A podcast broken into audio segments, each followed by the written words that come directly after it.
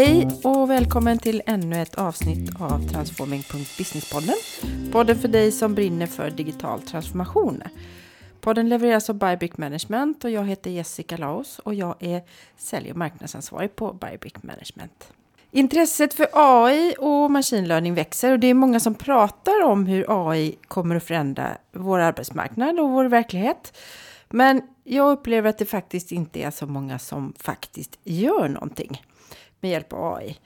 Och många, inklusive jag själv, har fortfarande frågor på hur, hur fungerar det egentligen i tekniken och praktiken.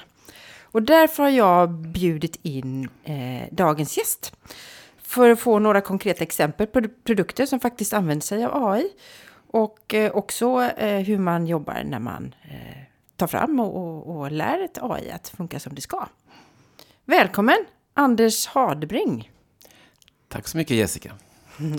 Vad kul att du är här. Ja, verkligen.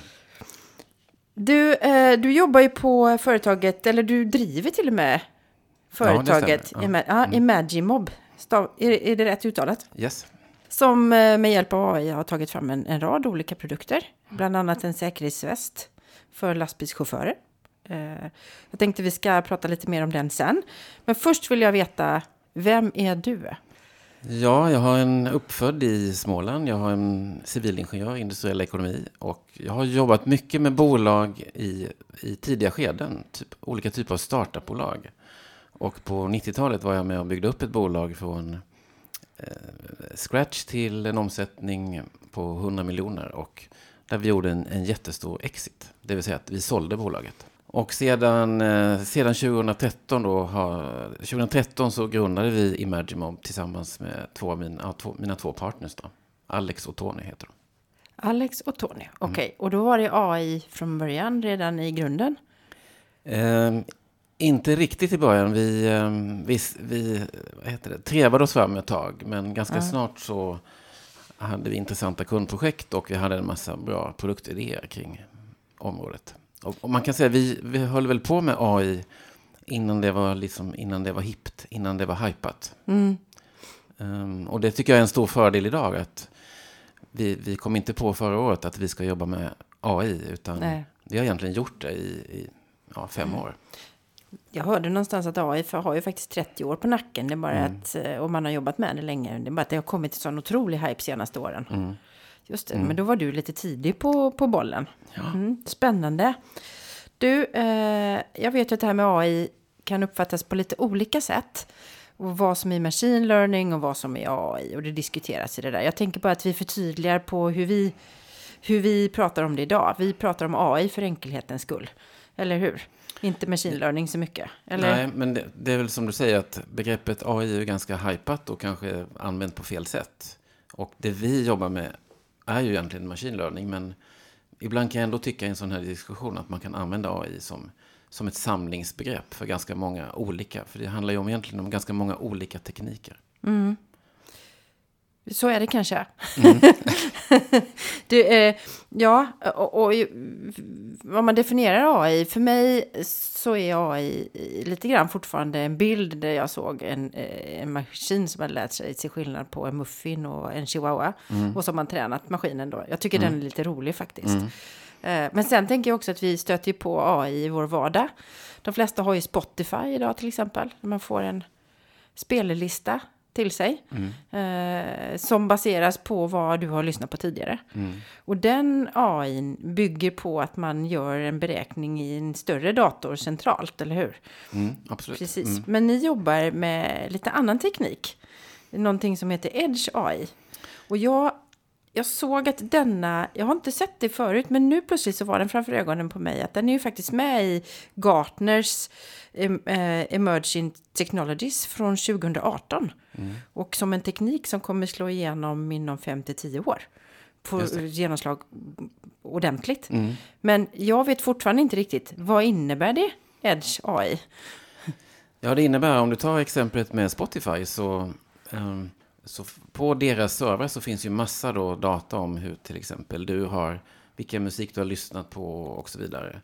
Och då använder den AI för att ta fram nya spellistor baserat på vad du gjort innan. Och då görs det här eh, centralt i en server och sen så kan du se den här spellistan i din um, iP I, iPhone eller iPad? Ja, min device. Just det, nu? din device. Ja. Skillnaden i, i vårt, vad vi gör egentligen att själva beräkningen sker av AI sker ute i en device. Till exempel um, i en motorsåg, eller alltså på ett chip i en motorsåg, eller ah. i ett ah. lås, eller i en, ett par hörlurar, eller en, en smart klocka och så där. Så det så, mm. så om, om beräkningen själva görs ute i devicen, då, då, då benämns det som Edge AI. Just det, det i produkten. I produkten, Istället ja. för i ja, server. Ja. Okej, men vad är fördelen med det då, i förhållande till att göra det på en server?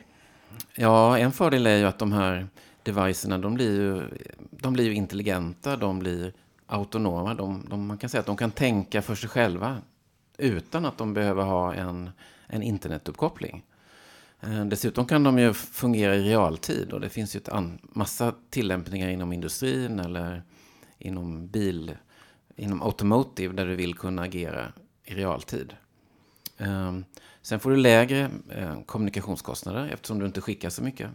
Du får lägre strömförbrukning på grund av att skicka data från, från en device till en server kostar väldigt mycket energi i mm. den här devicen. Då. Och det sista då man brukar ta upp är att du får en, eh, en bättre eh, integritet eftersom datat lämnar egentligen aldrig devicen utan du skickar egentligen bara upp ett resultat då, till. Istället för i Spotifys fall, där finns ju allt ditt data på en mm. server. Mm. I det här fallet så, så, finns det egentligen bara ute i din egen device. Så det är egentligen en, en, en massa fördelar och, och det... Um, för två år sedan fick vi övertyga kunderna, eller vi fick eh, att, att, att det var så här. Idag säger de flesta ja, men att Edge AI är liksom bra. Det håller egentligen alla med om.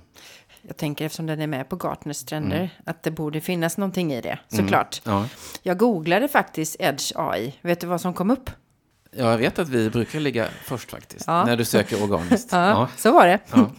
Bra jobbat faktiskt. Det är lite roligt. Ja, men vi har ju jobbat då ganska fokuserat då med, med, med content marketing och sånt vidare. Och, och, vi vill ju då betraktas som thought leaders inom det här med AI. Och, och att vi ligger etta på Google är faktiskt ett, ett ganska bra betyg. Mm. Ja, men det är det verkligen. Mm. Eh, det är nog många som har den ambitionen faktiskt. Ja. Och det är svårt. Men du, om vi kommer tillbaka till den produkten som jag nämnde lite i introduktionen, det vill säga den här säkerhetsvästen så eh, är det ju så att lastbilschaufförer är ett av de mest utsatta yrkena idag mm. och det finns mycket skador, inte bara i, mm. när man krockar utan mm. faktiskt också utanför lastbilen. Och, och, detta vill man eliminera och då har ni varit med och tagit fram en produkt, det vill säga den här västen. Berätta lite, hur funkar den? Ja, det är så att um, det, det, sker um, um, ganska mycket olyckor kring en lastbil. Det kan vara på en mörk um, hållplats i Norrland. Det kan vara på eh, trånga gator i stan. Det kan vara snöa, det kan vara mörkt. Man ska lasta avgods, lasta på. Mm. Det sker ganska mycket fallolyckor. Man blir påkörd och så vidare. Så att det här är ett, um, ett område uh, där man kan, som man kan förbättra. Och redan idag är det så att en, en lastbilschaufför har en sån här gul väst eh, på sig. Han måste ha en gul väst på sig när han jobbar utanför fordonet. Och, mm. och den vi har tagit fram nu med Scania det är en gul väst. Men man kan vända ut och in på den och då blir det en, en snygg väst man kan använda när man går in och käkar lunch. Men betydligt, betydligt viktigare då, det är att den är uppkopplad och intelligent. Och att den har ljus. Så att eh, när lastbilschauffören stiger ur sin hytt på den här mörka eh, lastplatsen, mm. då tänds det här ljuset automatiskt. Så att själva AI-systemet då känner av att, att chauffören går ur. Och om han sen blir påkörd eller han blir attackerad eller halkar eller ramlar. Um, då börjar den här då börjar västen lysa. Eller blinka menar jag. Blinka. Och ja. den skickar också ett larm då till, ehm, till en larmcentral. Just det. Så att när, när chauffören går ur bilen så mm. förstår västen som är tränad ja. med AI att nu är chauffören utsatt. Då tänds lampor ja. så att man ska se honom så han inte blir påkörd. Ja, det här ljuset. Då. ljuset. Ja, Skulle han då trilla eller ändå bli påkörd eller överfallen så finns det då dels en signal mm. som går till larmcentral, men en GPS tänker jag. Just det, är, ja, den skickar ett larm med, eh, med position då. Just det. Ja. Ja, det här är ju sådana produkter som man inte hör om vardagligen, men det låter ju verkligen som att det blir en större trygghet när du beskriver miljön som chaufförerna jobbar i. Ja, och jag tror när de har presenterat det här på olika mässor så har de ju fått jättemycket positivt, positiv feedback. Och Scania, de vill också att de tänker verkligen på, på chaufförernas säkerhet. Så Mm. att den har upp, upp mottagits väldigt, väldigt positivt. Då. Ja, du pratade om att den var, man kunde vända på den eh, och att den var Mm. lite snygg eh, ut och in. Jag såg en bild på självaste Carl Philip. Jag tror den var från Hannovermässan där han stod och alltså, på något sätt log iförd eran väst. Ja, just det. Vi var med där på Hannover Messe som för övrigt då är världens största industrimässa. Det var ju 230 000 besökare. Och då var vi med på ett event ute på Volkswagens huvudkontor i Wolfsburg. Där vi träffade folk från Volkswagen. Och då presenterade vi den här västen tillsammans med Scania. Och då var även prins Carl Philip med som, som var med på scen och som modell då kan man säga. Ehm, så vi tog en massa, eller hovet var med och tog kort. Ehm, vi fick en otrolig intresse på sociala medier och det här ligger uppe på hovets hemsida faktiskt. Och även på Volkswagens hemsida. Wow. Så att Ja. vi har fått ett enormt genomslag i, i, i media av det här. Ja, han är ju väldigt bilintresserad Ja. faktiskt. Det kanske finns ytterligare funktioner för den här västen framåt i hans... Han kör väl racerbil va? Ja, men det var lite så när han kom upp där. Så det, var lite, det var ganska avspänd stämning och Ja. man skämtade lite och så här. Då, de kallade prinsen var the king of the road. Och, och man, man re, refererade lite grann till Ja. att han gillar att köra res, res, racing. Då. Så, Ja. att, eh, så ja, det- var, det var jättekul. Och då såg man också, och där finns det bilder på hemsidan, att den här västen är alltså riktigt snygg. Liksom. Det är Mm. inte en tråkig arbetsväst, det är liksom en snygg väst. Nej, men jag såg det. Mm. Eh, Finns den i olika storlekar också? För chau- chaufförerna ser ju inte alltid ut som Carl Philip. Nej, men eh, det, absolut. Det här, det, är ju ett, eh, det här är ett riktigt klädesplagg. Så det Ja. finns i olika storlekar. Ja, vad kul. Mm. Gud vad härligt med sån publicitet. Ja, jättekul verkligen.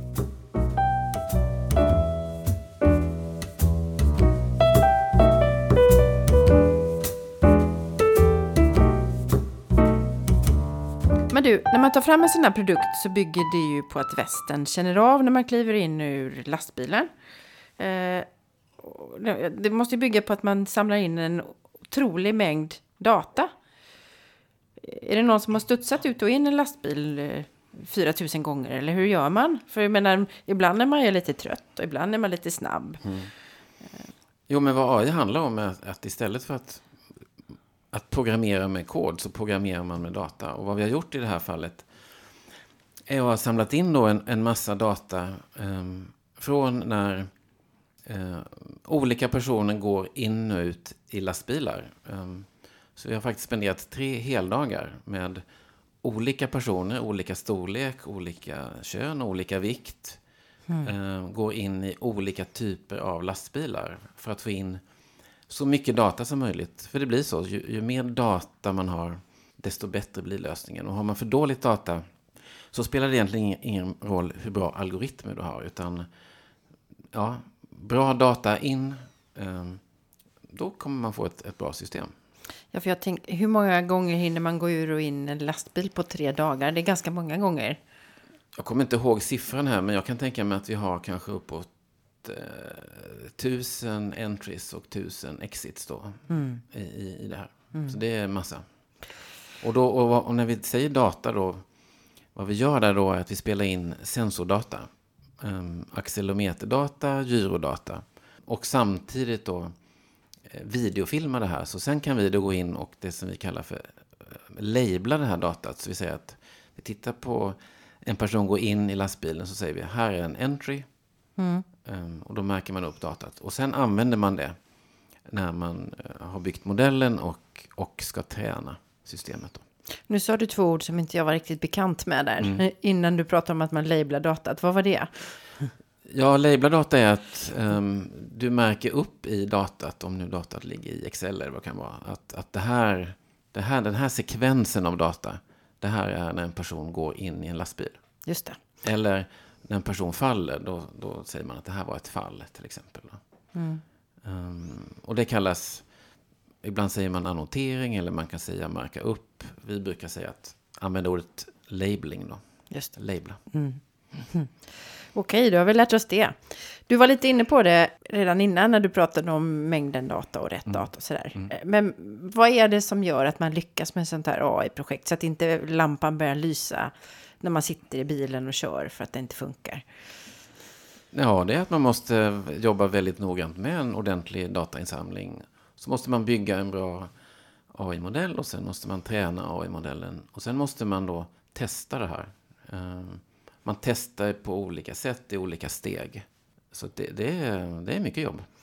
Är det som när man bygger sån här what if eh, i Excel?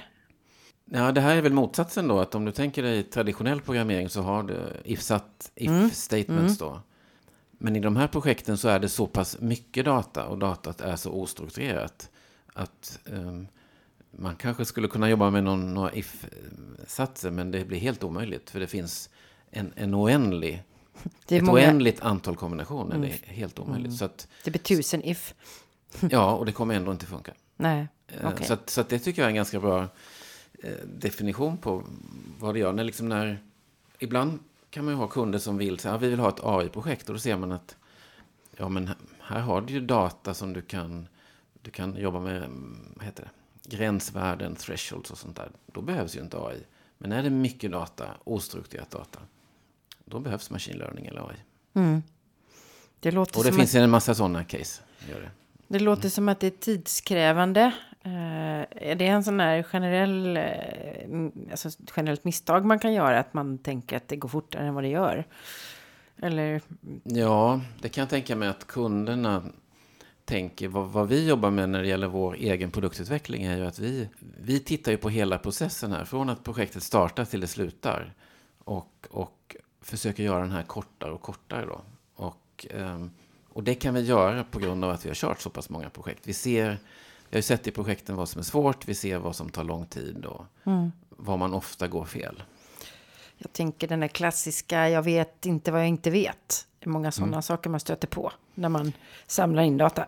Ja, i ett antal av våra projekt när vi har börjat, då, då är ju lite ansatsen så här, eh, säger, tillsammans med kunden säger vi vill kunna vi vill kunna göra något specifikt, fast innan man börjar så vet man inte om det går, utan projektet, alltså titeln på projektet kan vara att utreda om man kan upptäcka en viss avvikelse eller om man kan se något visst mönster i ett data. Så att ofta vet man inte i- början hur, hur väl man kommer lyckas.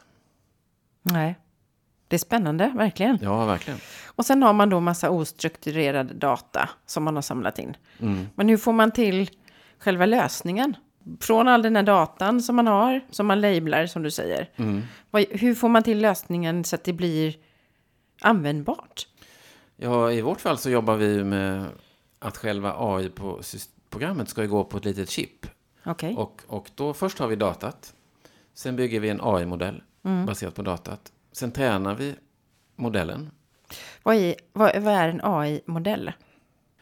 Är det, någon, är det där, för man pratar om algoritmer och sånt där, är det där någonting sånt kommer in? Eller? Ja, man kan säga att man, man väljer först en algoritm.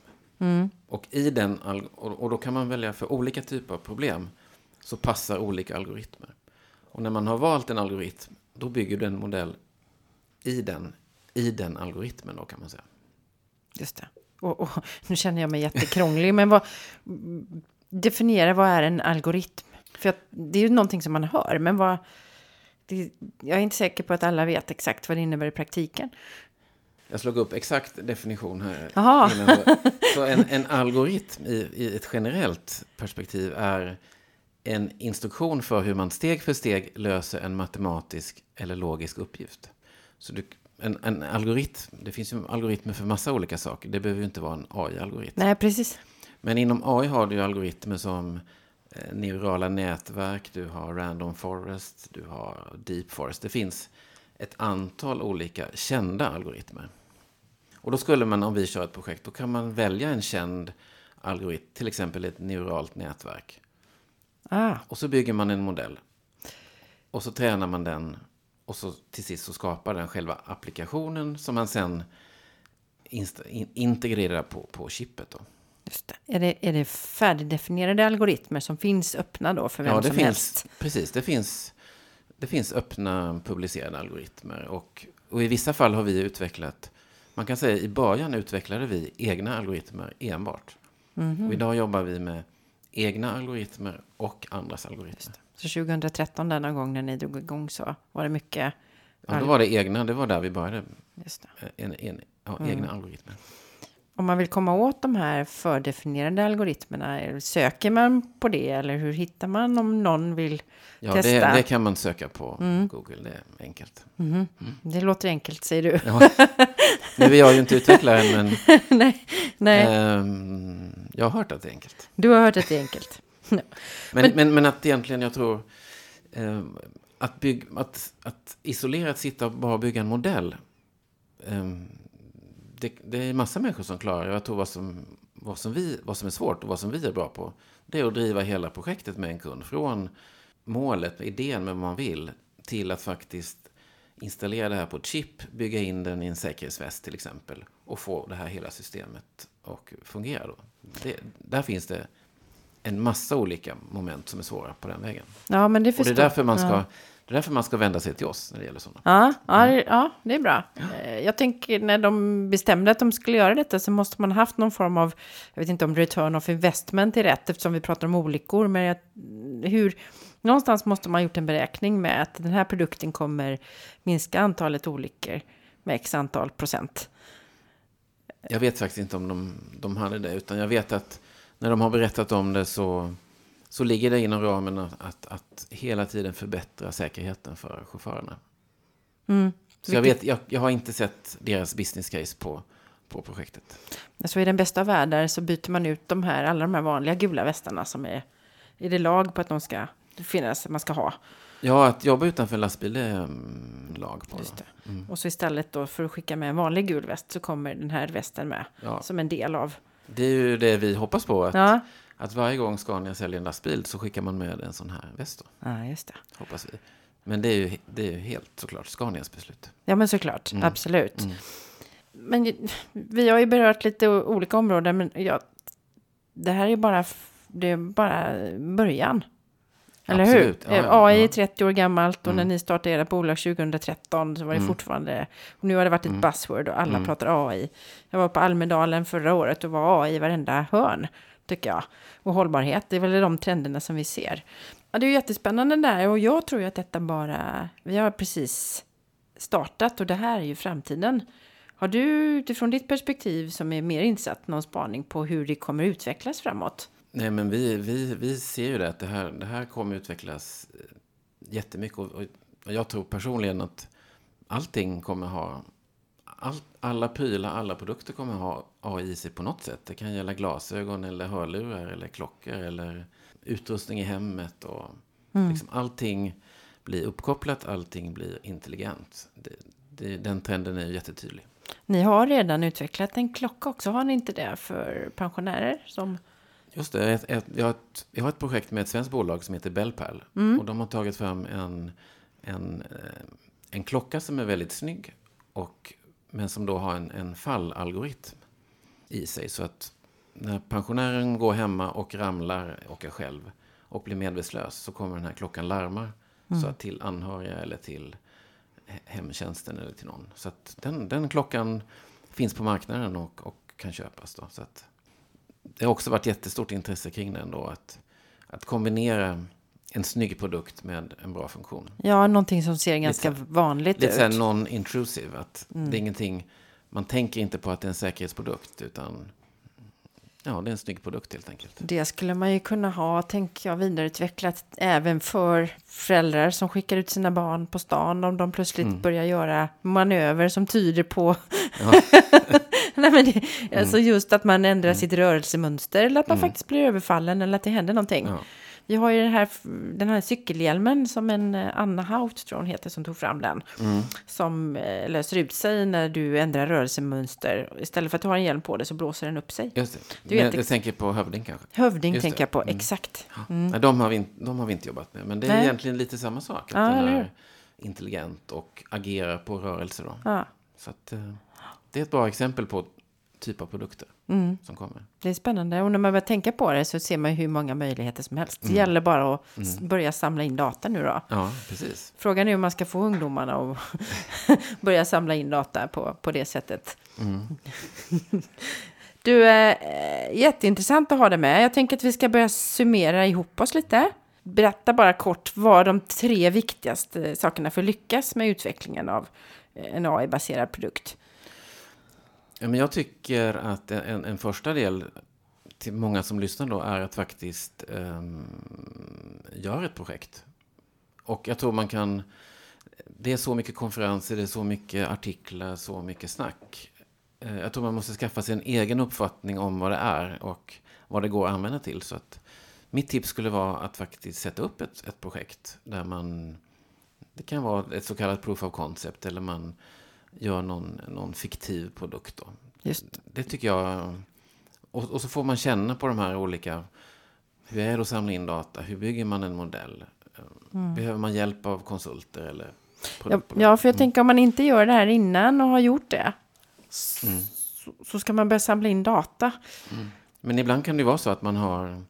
ehm, till exempel handlar det om industriella maskiner så kan det vara så att datat faktiskt finns. Det är inte alltid man måste, utan ibland kan det finnas väldigt mycket data som man kan börja med. Det är sant. Så, så, Just det. Det gäller bara att labla den datan då. ja, precis. Då Mm. måste man...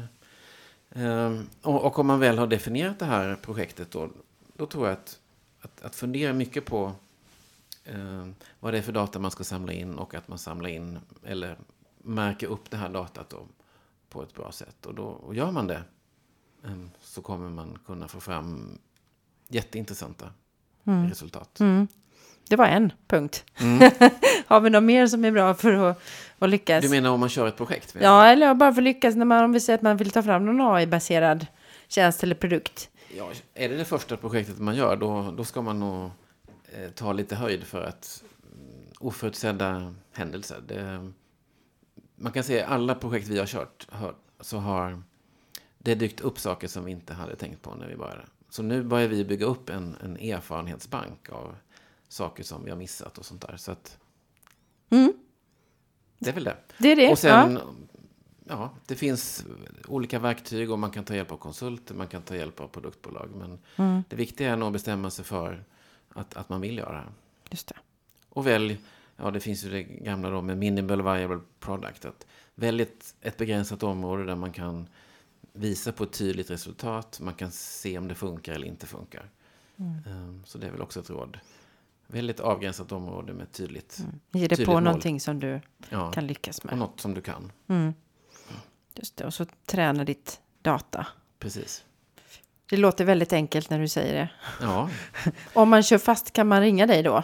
absolut. Det går Ja. jättebra. Vad härligt. Du, eh, om man vill komma i kontakt med dig, nu skojar du lite här, men hur, om man vill komma i kontakt med dig och läsa mer och mer, hur hittar man er då? Ja, vi finns ju på nätet såklart. Så att det är ju www.imagimob.com. Så vi har faktiskt väldigt mycket, vi har jobbat mycket med att ehm, eftersom vi vill se oss själva som thought leaders så har vi ganska mycket material på hemsidan. Vi har white papers, vi har lite olika tester, vi har lite tips och råd och sånt där. Så det finns faktiskt mycket värdefullt där. Mm. Och nu även finns ni i en podd. Just det. Mm. Transforming.businesspodden. Ja. Du, stort tack för att du kom hit. Okej, tack så Eh, jättemycket. jag har lärt mig jättemycket. Mm. Superkul. Vi får säkert tillfälle att höras igen Ja. längre fram. Tack så mycket. Härligt. Tack. Hej då. Hej.